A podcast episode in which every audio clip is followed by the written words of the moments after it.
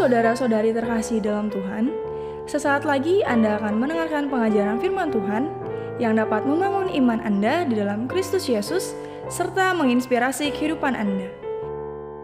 Dari House of Prayer Church, selamat mendengarkan.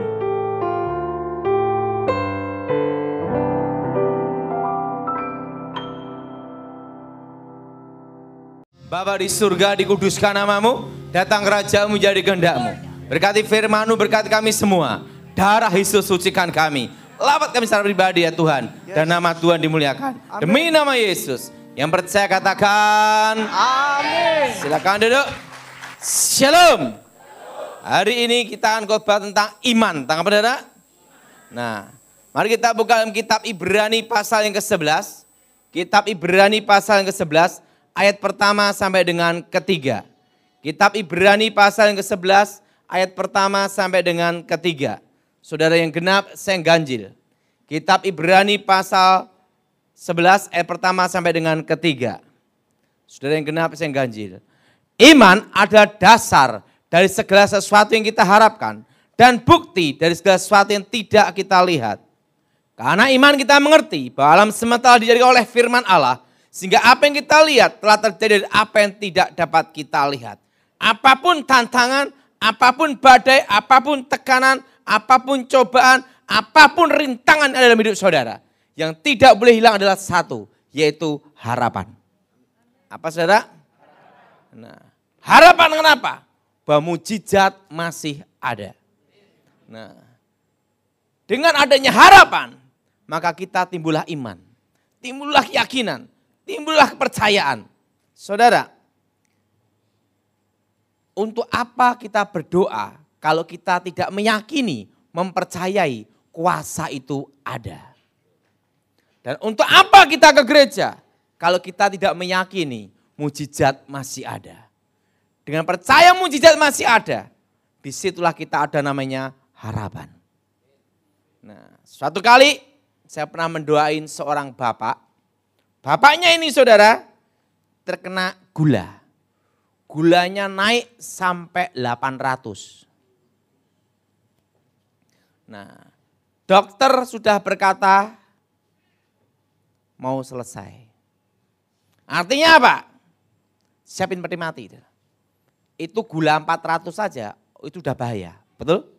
Itu 800.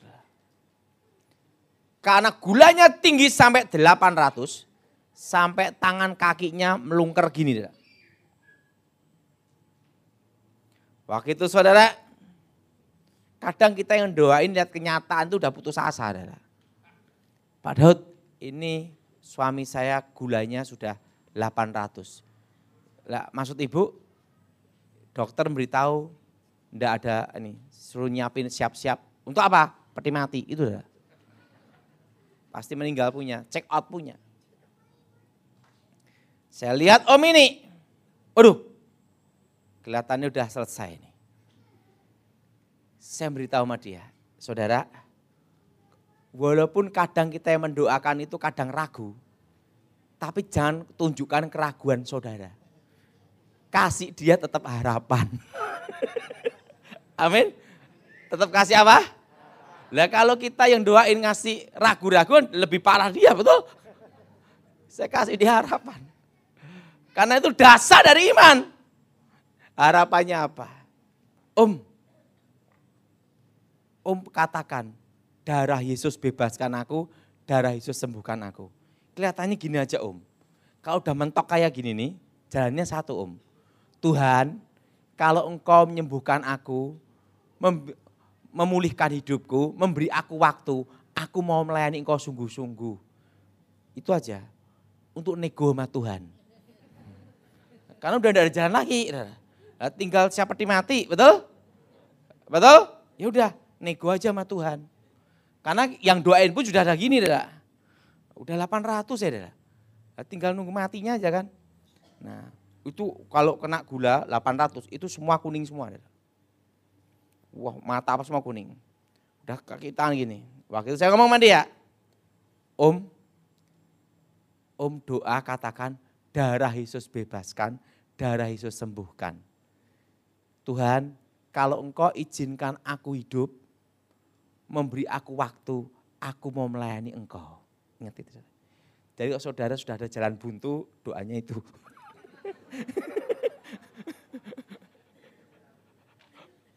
Untuk ne, nego. Apa yang terjadi? Ingat DPR aja bisa di lobby, betul nggak? Ah, antar lobbyan. Nah, apa yang terjadi? Langsung yang kena gula 800 ini. Dah gini nih, dia doa. Tuhan Yesus, kalau engkau memberi aku waktu hidup lagi, memberi aku waktu perpanjangan, aku melayani engkau sungguh-sungguh. Kuserahkan hidupku di tanganmu. Ingat saudara. Langsung tangannya gini-gini. Darah Yesus bebaskan aku, darah Yesus sembuhkan aku. Begitu dia doa. Tidak sampai satu jam, gulanya turun. Normal, sembuh. Langsung dia buka persekutuan. Langsung dia ngajak pendeta ke rumahnya untuk pelayanan penginjilan. Ingat saudara, kalau sudah jalan buntu, ingat pesan saya, doanya itu. Dan sembuh, hidup. Dia melayani Tuhan.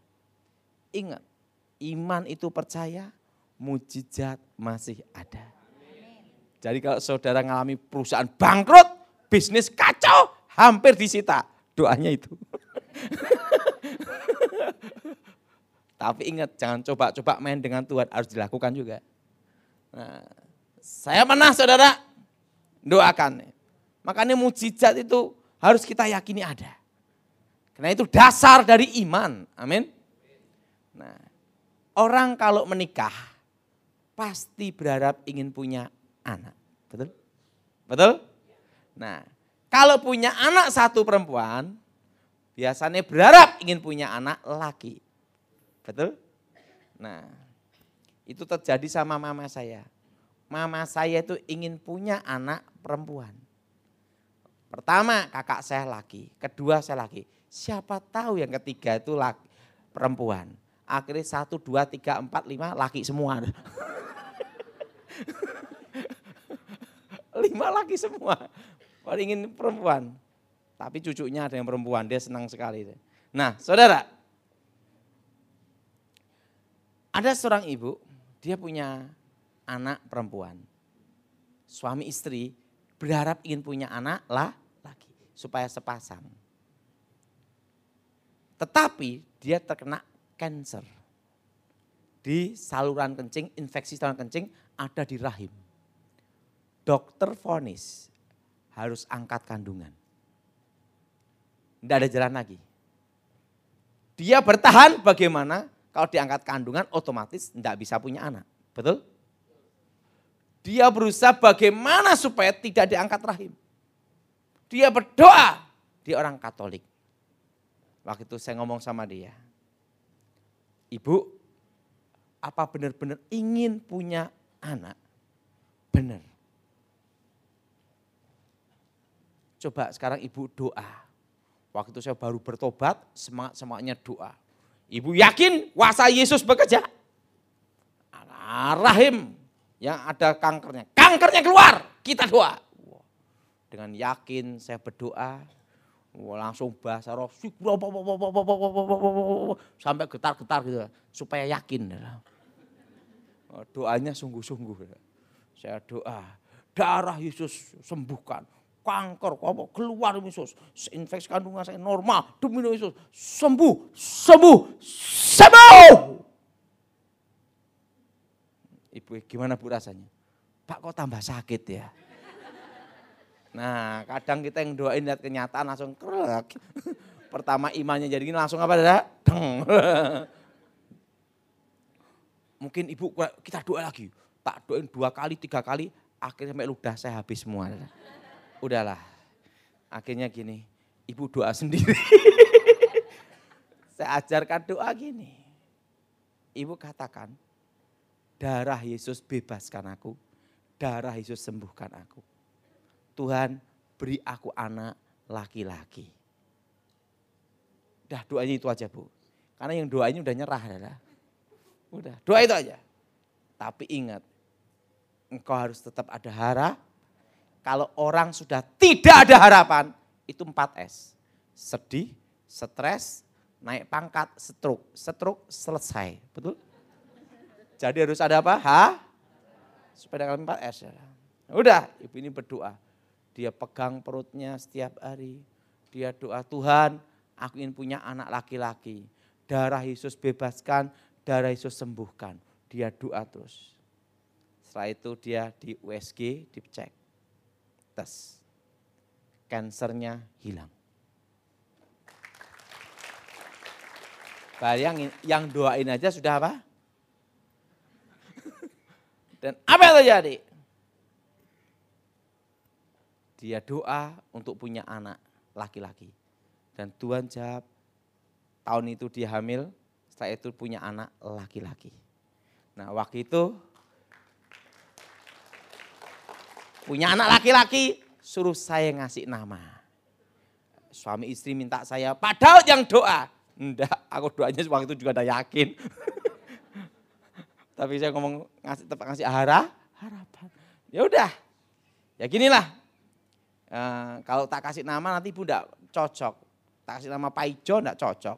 Bejo enggak cocok juga. Udah ibu aja yang kasih nama sendiri dah. Nah, tapi di situ saya mengerti. Kalau kita hamba Tuhan mendoakan, yang nomor satu yang penting adalah yang didoakan. Dia percaya atau tidak. Amin.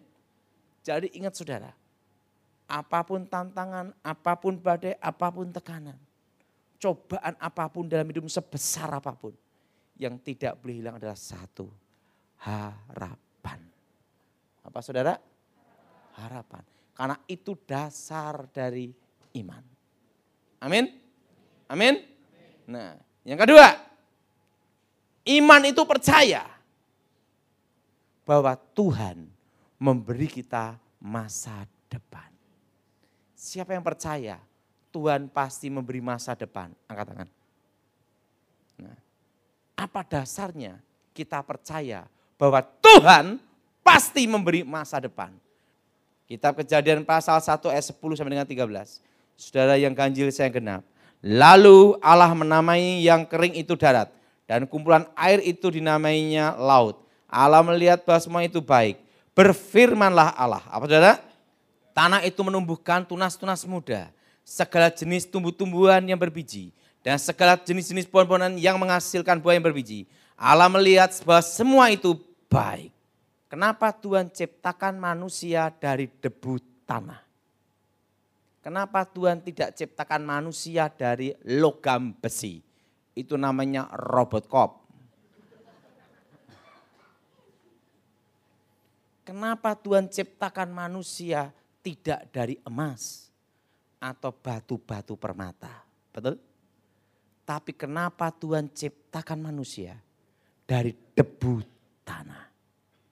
Karena di dalam debu tanah itu ada potensi. Perhatikan ayat ini. Waktu Tuhan menciptakan tumbuh-tumbuhan, Tuhan berfirman apa? Hendaklah tanah menumbuhkan tunas-tunas muda yang menghasilkan buah biji dan menghasilkan biji. Ingat saudara, Tuhan berfirman kepada tanah, betul? Betul? Kepada saudara, tak? Langsung dalam tanah keluar rambutan, set, nanas, pohon beringin, anggur, semua tanaman-tanaman yang ada di muka bumi muncul dari dalam tanah. Amin. Kan tidak dikatakan Tuhan nyiptain satu-satu dulu. Anggur satu, setelah itu apel satu, kan ada. Betul? Cukup Tuhan berfirman apa? Hendaklah tanah. Langsung saudara. Menumbuhkan tunas-tunas muda. Menghasilkan biji berbuah biji. Langsung di seluruh muka bumi ini bermunculan tanaman yang ada sampai sekarang. Amin. Artinya apa? Di dalam tanah banyak sekali potensi maka Tuhan ciptakan manusia dari debu tanah. Artinya bahwa di dalam diri manusia banyak sekali potensi. Artinya bahwa Tuhan memberi kita masa depan. Ada kesalahan dan kelemahan kita Sering kita melihat potensi orang lain, tapi kita tidak melihat potensi dalam diri kita. Kita sering melihat potensi orang lain, tapi tidak melihat potensi dalam diri kita. Dalam hidup kita, jadilah seturut kehendak Tuhan dan jadilah seperti dirimu. Jangan ikut-ikutan. Saya punya kawan, ya ini kawan saya, ini contoh nih. Kawan saya ini orangnya suka ikut-ikutan teman saya sekolah Alkitab. Zamannya Rehat Bonke khotbah. Nanti dia akan khotbah kayak Rehat Bonke. Wah. Nanti Benihin terkenal. Nanti dia khotbah kayak Benihin. Nah, begitu yang terkenal Gilbert, khotbah ngomong, wah, wah, haleluya, haleluya, wah. Dia bisa niru semua khotbah pendeta ujung-ujungnya lulus, enggak jadi apa-apa. Karena bukan dirinya. Jelas? Bukan dirinya. Yang Tuhan kendaki adalah jadilah sesuai kehendak Tuhan dan diri kita. Bukan orang lain. Dan ingat, bagaimana kita mengenali potensi kita. Talenta yang Tuhan berikan. Ikutin saya semua. Apa yang aku alami apa yang terjadi dalam hidupku bukan kebetulan. Tapi ada rencana Tuhan. Dan itu adalah potensi yang Tuhan berikan. Suatu kali saya sekolah Alkitab setingkat SMA. Maksimal jadi guru sekolah minggu. Kedua, pelayanan untuk itu konseling. Jadi kalau sekolah Alkitab mau jadi pendeta, itu harus sekolah tinggi teologi. Saya sampai sekarang sekolah Alkitab setingkat SMA. Mau nerusin sekolah tinggi teologi ya, sama rektor tidak boleh. Karena saya murid paling goblok. Jadi saya itu sebenarnya sekolah Alkitab tuh hampir tidak lulus. Tapi gurunya semua bertobat semua. Makanya dipaksa lulus. Katanya gini, tidak ada murid paling goblok melebihi kamu katanya. Katanya saya itu murid paling bodoh, paling goblok. Akhirnya guru-guru rapat. Karena saya nilainya itu tidak ada yang di atas lima. Nah akhirnya mereka rapat supaya anak ini lulus. Tapi tidak boleh meneruskan sekolah tinggi telo. Mereka rapat. Ambil keputusan. Lulus boleh, tapi tidak boleh meneruskan sekolah tinggi teologi. Berarti harapan saya untuk jadi pengkhotbah, jadi pendeta selesai. Betul? Karena peraturan itu di gereja sidang jemaat Allah waktu itu harus sekolah tinggi teologi ya. PI dan lainnya harus ada tahap-tahapnya. Tidak mudah. Tidak bisa langsung jadi pendeta, tidak bisa. Harus ada tahap-tahapnya. Ah, saya lulus ke Alkitab, ambil keputusan bisnis. Bisnis plastik, wah bisnis apa semua. Pak Gilbert telepon saya. Daud, kamu Jakarta. Ya udah. Daud, Tuhan panggil kamu dengan dahsyat. Kamu harus melayani Tuhan. Pak Gilbert, saya kok bapak. Mau pelayanan apa? Pong saya aja sekolah Alkitab aja. Dipaksa lu. Ranking 4 murid tinggal 4. Udah ranking 4, murid tinggal 4. Udah dipaksa lulus, enggak boleh sekolah tinggi teologi ya. Daud, semua manusia diciptakan Tuhan di muka bumi ini pasti ada potensi dan talenta. Apa yang kamu alami itu bukan kebetulan. Apa yang terjadi dalam hidupmu itu bukan karena kebetulan. Tapi ada rencana Tuhan dalam hidupmu bahwa itu adalah potensi talenta yang Tuhan berikan untuk mengenali talentamu adalah apa yang kamu alami. Tekuni itu. San Gilbert tanya sama saya, apa yang kamu tahu sekarang? Pak Gilbert, saya tahu hanya satu Pak Gilbert. Apa itu? Setan. Langsung Gilbert diem gini. Hm. Daud, saya kasih tahu. Ada orang dalam hidupnya dia suka sekali menekuni virus. Dia tekunin virus. Ingat, virus itu banyak membunuh orang, betul? Dan virus itu sering yang sarain orang, bikin penyakit. Tapi anak muda ini, karena dia suka virus, dia tekunin virus. Virus, virus terus. Sampai dia jadi profesor doktor virus mikrobiologi. Nah kamu kan taunya setan.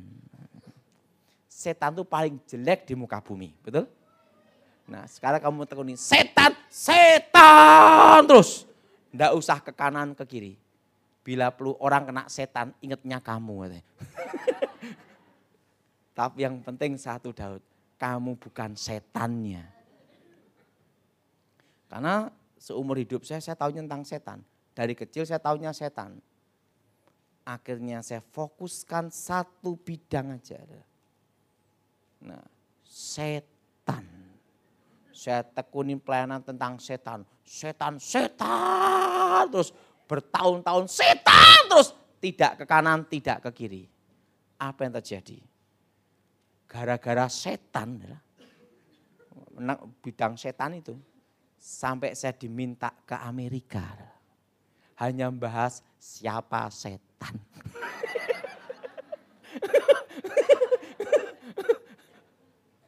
saya itu tidak bisa bahasa Inggris.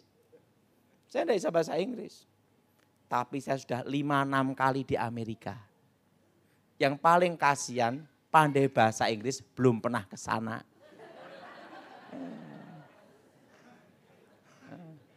Tahu enggak, celana saya ini USA. Tapi ingat, saya beli ini tahun 2001 sampai ininya gini. Ini bukan karena di macam, memang kenyataan. Jadi bukan mau di model apa pun. Ini sampai modelnya dari hitam sampai apa?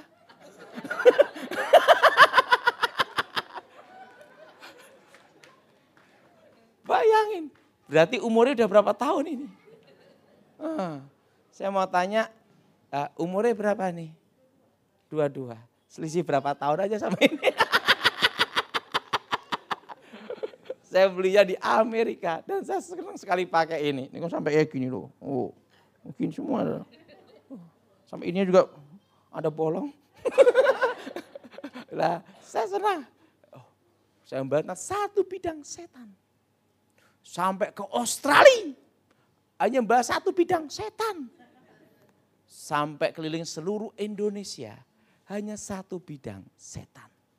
Sampai saya diminta untuk ngasih pengajaran pengarahan di Akademi Polisi Semarang.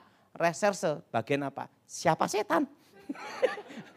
Bagaimana cara mengalahkan setan, ilmu-ilmu setan, mantra-mantra setan. Sampai saya diminta untuk jaga keluarga Presiden SBY sama Pak Pramono Edi Wibowo dari 2004 sampai 2014. Untuk apa? Menjaga masalah setan. Jadi ingat, apa yang terjadi dalam hidup saudara. Apa yang engkau alami. Itu bukan kebetulan. Itu adalah talenta yang Tuhan berikan. Saudara jangan menekunin apa yang saudara tidak tahu. Tekunilah apa yang kau tahu. Amin. Karena itu bukan kebetulan. Itu adalah talenta yang Tuhan berikan. Saya punya adik, tanya sama saya, Daud, saya itu mau kerja apa Daud? Saya tanya sama dia, kamu taunya apa? Sampah plastik. Plastik tapi sampahnya. Af, afal afiran. Ya udah. Berarti talenta yang kamu beri, Tuhan berikan. Udah tekunin itu. Nah, dia tekunin sampah plastik. Jadi pemulung, ngumpulin pemulung-pemulung, sandi-sandi pelet itu adalah jadi pabrik plastik juga. Jadi saudara tidak usah bingung bagaimana masa depanmu. Engkau sudah diberi masa depan. Yang perlu engkau lakukan satu hal. Tekuni itu. Ngomong sebelahnya, tekunin. Amin. Amin. Artinya apa? Engkau taunya masak, tekuni masak. Engkau taunya komputer, tekuni komputer. Jangan kayak kawan saya zaman dulu. Siapa yang terkenal dia ikut-ikut semua. Nah, Pak Pariaji terkenal waktu itu. Langsung dia ngomong, ini Gilbert terkenal, dia model gini. Semua model dicoba semua. Akhirnya lulus, tidak ada yang jadi. Jelas saudara? Tekunin apa yang sudah Tuhan rencanakan. Tekunin apa yang sudah ada, yang Tuhan berikan. Pak saya taunya ngerias wajah, tekunin itu. Pak saya taunya gigi, tekunin itu. eh jangan sembarangan. Dokter gigi itu mahal loh. Sekali tambah plak plak plak minimal 500 ribu. Betul enggak? Uh, saudara, ingat saudara. Ini semua, tekuni yang sudah ada. Jangan menekuni yang tidak engkau tahu. Ingat, Tuhan memberi masa depan. Amin. Makanya kalau sudah punya anak, dia sukanya apa? Dia pengalamannya apa? Udah fokuskan. Penting jangan narkoba, sabu-sabu, busa-busa. Hmm, jelas? Jelas? Dia taunya Pak IT Pak, ya udah tekunin. Tapi arahkan yang benar aja, nanti tidak sampai tajam. Jadi segala sesuatu itu harus dipertajam. Jangan ambil sana, ambil sini, ambil akhirnya ada yang jadi. Yang ketiga, Iman itu percaya adanya pembelaan Tuhan. Apa saudara? Alkitab berkata kita adalah gambar rupanya Tuhan. Amin. Kita adalah apa saudara? Gambar rupanya apa? Alias kita ini fotonya Tuhan. Ngomong sebelahnya, kamu bukan monyet. Alkitab berkata kita adalah gambar rupanya apa? Gambar rupanya Tuhan. Alias kita ini fotonya Tuhan. Kalau kita di foto model gini, ditaruh di ruang tamu foto kita, tiba-tiba datang bapak ini maki-maki foto saya, ngeludahin foto kata, nginjek-injek foto saya. Saya marah enggak saudara? Marah, walaupun itu hanya foto. Betul? Itu bisa harga diri, betul? Ingat saudara, kita adalah gambar rupanya Tuhan, fotonya Tuhan. Kalau saudara difitnah, saudara dijolimin dengan berbagai hal yang jahat apa pun, Tuhan pasti bela saudara. Kenapa Tuhan pasti bela saudara? Karena kita adalah gambar rupanya Tuhan. Amin. Amin. Amin. Nah, yang keempat, iman itu percaya. Iman itu percaya bahwa Tuhan pelihara kita di bumi dan di sorga. Saudara, sekarang baru heboh virus corona, betul? Ingat, mata sipit, bahasa Cina, weng weng, batuk batuk, bubar.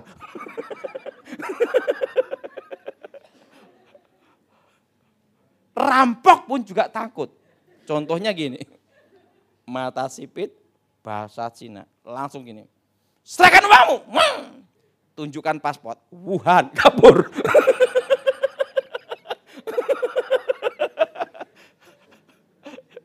Jadi rampok pun juga takut. nah, saudara, saya masih ingat kejadian SAR, SARS ya. Di itu waktu itu di Cina juga kan. Saya khotbah di Amerika. Waktu saya di Amerika, Amerika, setelah itu saya ke Hong Kong. Nah, ke Hong Kong untuk khotbah juga. Waktu di Hong Kong, itu tempat ramai sekali. Ramai ini loh. Nah, di samping saya, ada yang batuk gini. itu bubar. Itu tinggal saya sama dia itu kejadian. Itu kejadian bener. Jadi saya beritahu, orang pada paranoid, betul? Saudara, virus corona masuk Jakarta, lihat polisinya ngeblak. ada timbel, ada ini macam-macam, pentisida. Udah. Jadi saudara, apa pun yang terjadi, percayalah pelindungan Tuhan. Amin. Nah, buat Tuhan pelihara kita di bumi di surga. Saya pernah mengalami zaman yang susah, zaman yang sulit sekali. Zaman yang susah, zaman yang sulit. Saya punya papa itu nakal. Kalau miskin sama mama saya, kalau kaya sama perempuan lain. Papa saya pergi, mama saya bertahan untuk lima anaknya. Untuk membesarkan lima anak laki semua, itu lebih susah daripada membesarkan anak perempuan. Saya kasih tahu. Kalau anak perempuan, kecilnya kita tidak pusing, besarnya yang kita yang pusing. Supaya jangan salah pilih. Betul? Betul? Nah, kalau anak laki, kecilnya pusing, besarnya juga pusing. Betul Salah pergaulan habis sudah, betul? Betul? Jaganya benar-benar, betul? Nah, lima laki semua. Ditinggal apa? Waktu itu Mama punya uang 25 ribu rupiah. Mama ngomong sama saya, Daud, karena yang sering untuk curhat itu saya selalu. Daud, ada apa mama? Uang kita tinggal 25 ribu Daud. Kita berdoa, tapi kita harus bekerja juga. Kerja apa mah? Kita berusaha apa? Langsung mama saya ngomong, Daud, kalau 25 ribu kita tidak kerja, berapa hari habis? Kita bingung makan apa. Maksud mama gimana? Gimana kalau kita bikin bakpao? Ya udah, beli gandum. Saya masih ingat ada gambarnya segitiga itu loh. Ada kan ya? Nah, segitiga itu.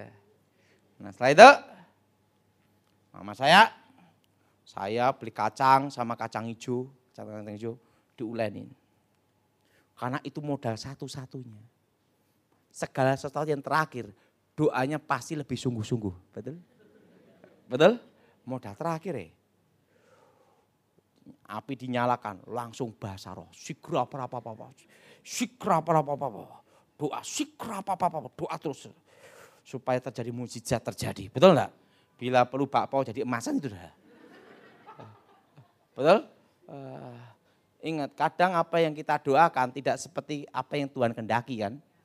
Doa, doa, Doa. Kadang seperti itu. Amin. Dibuka. Bak paunya itu bukan membesar, mengecil. Bantat bahasa Jawa itu. Udah, itu modal satu-satunya.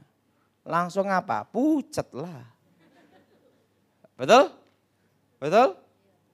Tapi ingat, segala sesuatu yang dilandaskan dengan doa ada kekuatannya. Karena Tuhan menjawab doa kita melebihi apa yang kita doakan. Melebihi apa yang kita pikirkan. Amin. Bakpao itu dijual. Habis. Yang makan kayak gini. Mm, banyak minum. Karena bakpao itu mengecil.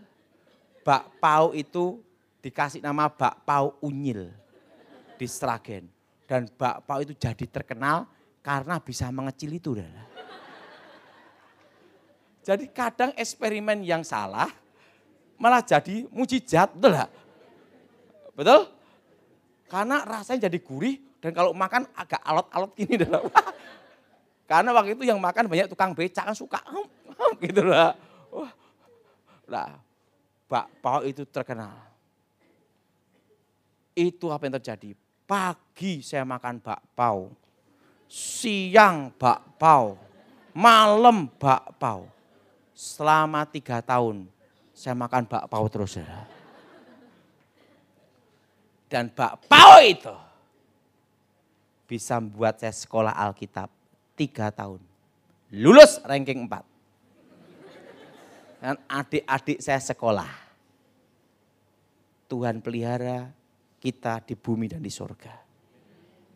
Nah saya masih ingat ada dua ekor ayam betina dikasihkan sama nenek saya ke mama saya. Kalau nenek saya ngomong, Ini untuk kalian kasih dua ekor. Mama saya ngomong, kalau dipotong hanya sehari kita makan. Kita ternak ayam aja. Dua ekor ayam betina ini diduakan dalam Yesus, lari. Malah kawin tanpa izin. Kawin tanpa izin sama ayam tetangga. Besoknya pulang dua ekor ini bertelur. Kita udah nunggu untuk makan telurnya. Jangan katanya. Didoakan supaya netes. Itu telurnya netes semua, tidak ada satu yang kopior. Itu saudara, dua ekor ayam itu jadi puluhan ekor banyak sekali. Tidur di atas-atas pohon. Kenapa tidak ada kandangnya? Oh, yang yang punya rumah aja tidak ada rumah, ngontrak gimana mau kandang ayam. Dah. Nah, zaman itu saudara, apa yang terjadi? Saya masih ingat saudara. Kalau zaman dulu ada penyakit kering, penyakit ayam saudara, semua kampung kena banyak yang mati. Tapi ayamnya mama saya yang didoain mama saya, satu pun tidak ada yang kena. Sampai banyak. Jadi kalau saya mau bayar SPP sekolah, itu ngambil ayam pagi-pagi jualan dulu. Nah setelah itu untuk bayar SPP bisa nyekolahkan adik-adik saya. 25 ribu modal bakpao sama dua ekor ayam. Di situ saya melihat satu hal. Pertolongan Tuhan. Apa pun yang terjadi, apa pun masalah dalam hidupmu. Yang tidak boleh hilang adalah satu. Engkau harus tetap punya harapan. Apa saudara? Harapan. Karena itu adalah dasar dari iman. Amin. Amin. Nah, sekarang ini kan tahun lalu saya khotbah supaya semua beli tanah, betul? Betul? Sekarang orang jual tanah kan baru susah. Sesuai NJUP aja susah. Betul? Betul? Ingat, pemulihan 2023. Ingat itu saudara. Jadi saudara yang punya uang beli tanah. Waktu saya memberitahu di pinggir-pinggir kota, di bawah satu juta. Sana itu dua mobil lewat. Karena pemulihan 2023 harga tanah nanti berbeda. Kalau sekarang waktunya beli. Dan tahun lalu saya sudah khotbah akan mulai krisis. Betul? Siapa yang pernah dengar saya khotbah tahun tahun ini akan krisis? Angkat tangan coba. Dari tahun lalu saya sudah ngomong. Betul? Dan sekarang terjadi. Harga-harga barang naik dan yang tidak naik harga diri. Betul? Ya, jadi ingat, Tuhan pasti pelihara kita. Bapa di surga, dikuduskan namamu, datang kerajaan menjadi kehendakmu. Berkati firmanu, berkati kami semua. Darah Yesus sucikan kami. Darah Yesus bentengi. Lawat kami secara pribadi Tuhan. Dan namamu dimuliakan. Di dalam nama Yesus. Yang percatakan.